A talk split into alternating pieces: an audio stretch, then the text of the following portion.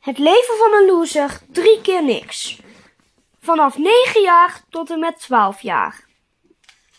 Deel 1. Oktober, woensdag. Mijn ouders zeggen altijd dat de wereld niet om mij draait. Maar soms denk ik dat het eigenlijk wel zo is. Toen ik klein was, heb ik een film gezien over een man die zijn hele leven stiekem gefilmd wordt voor een tv-show.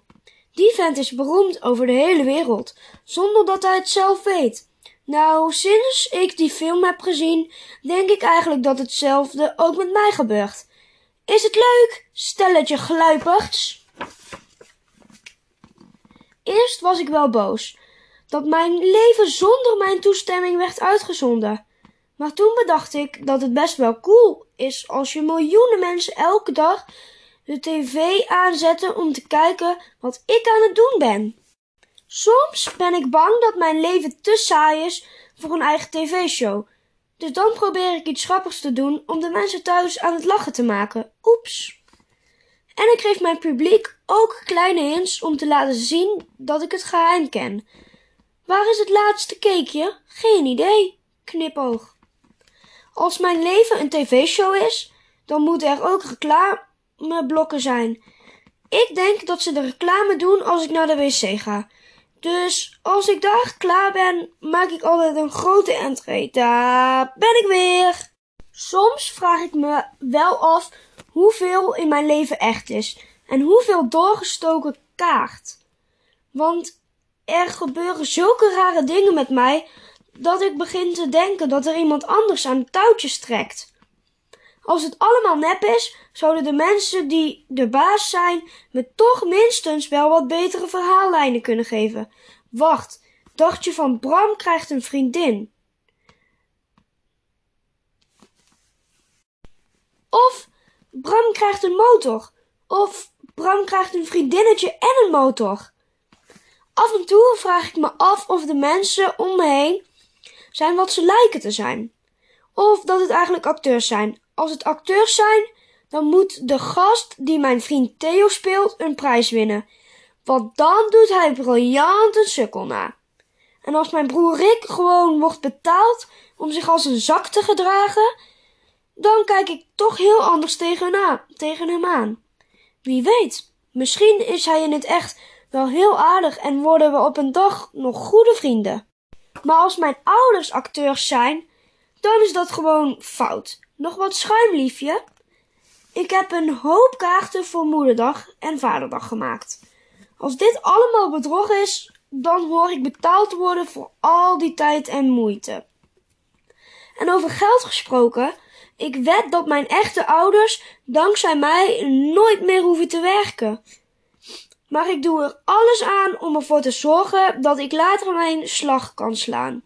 Hoofdrolspelers op tv hebben meestal een slogan die ze minstens één keer per aflevering laten horen. Dus ik heb mijn eigen slagzin bedacht. En die laat ik af en toe vallen. Dit is cookie cool. Later gooi ik die slogan op elk stuk handelswaar dat ik maar te pakken kan krijgen. En dan komt het geld binnenstromen. Maar ik garandeer je dat ik niet zal eindigen als zo'n verlopen beroemdheid die foto's verkoopt op een handtekeningenbeurs om nog een beetje geld te verdienen. Zeg het, zeg het. Ik dacht het niet. Ik heb wel ontdekt dat het elke tv-show ook weer van de buis wordt gehaald. Maar in het laatste seizoen introduceren ze meestal nog een nieuw huisdier of een schattig kindje om de kijkcijfers op te krikken. Dus toen mijn kleine broertje Max werd geboren, dacht ik dat ze mij als ster van de show wilden vervangen door een nieuw gezicht. Ik weet precies wat hier gebeurt.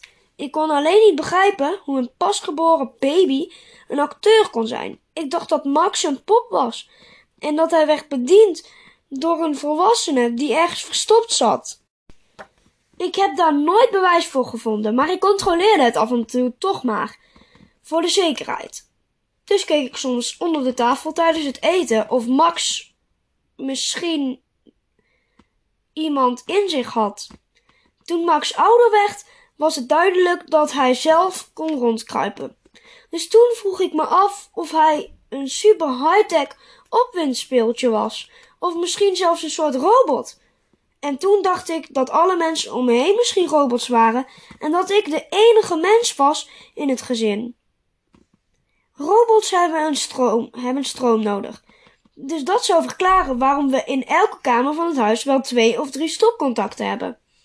Het zou ook een paar dingen verklaren die mijn ouders zeggen, als te denken dat ik ze niet hoor. Misschien moeten we een weekendje weg, even de batterij opladen. Als robots op batterijen werken, snap ik meteen waarom we er zoveel hebben in de plastic doos in de waskamer. Ik weet niet precies waar de batterijen in moeten, maar ik heb wel een paar ideeën. Ik bedacht dat ik alleen kon ontdekken of mijn familieleden robots waren door te proberen of ik bij een van hun kortsluiting kon veroorzaken. Maar of pap is een waterproefmodel of hij is een mens zonder gevoel voor humor.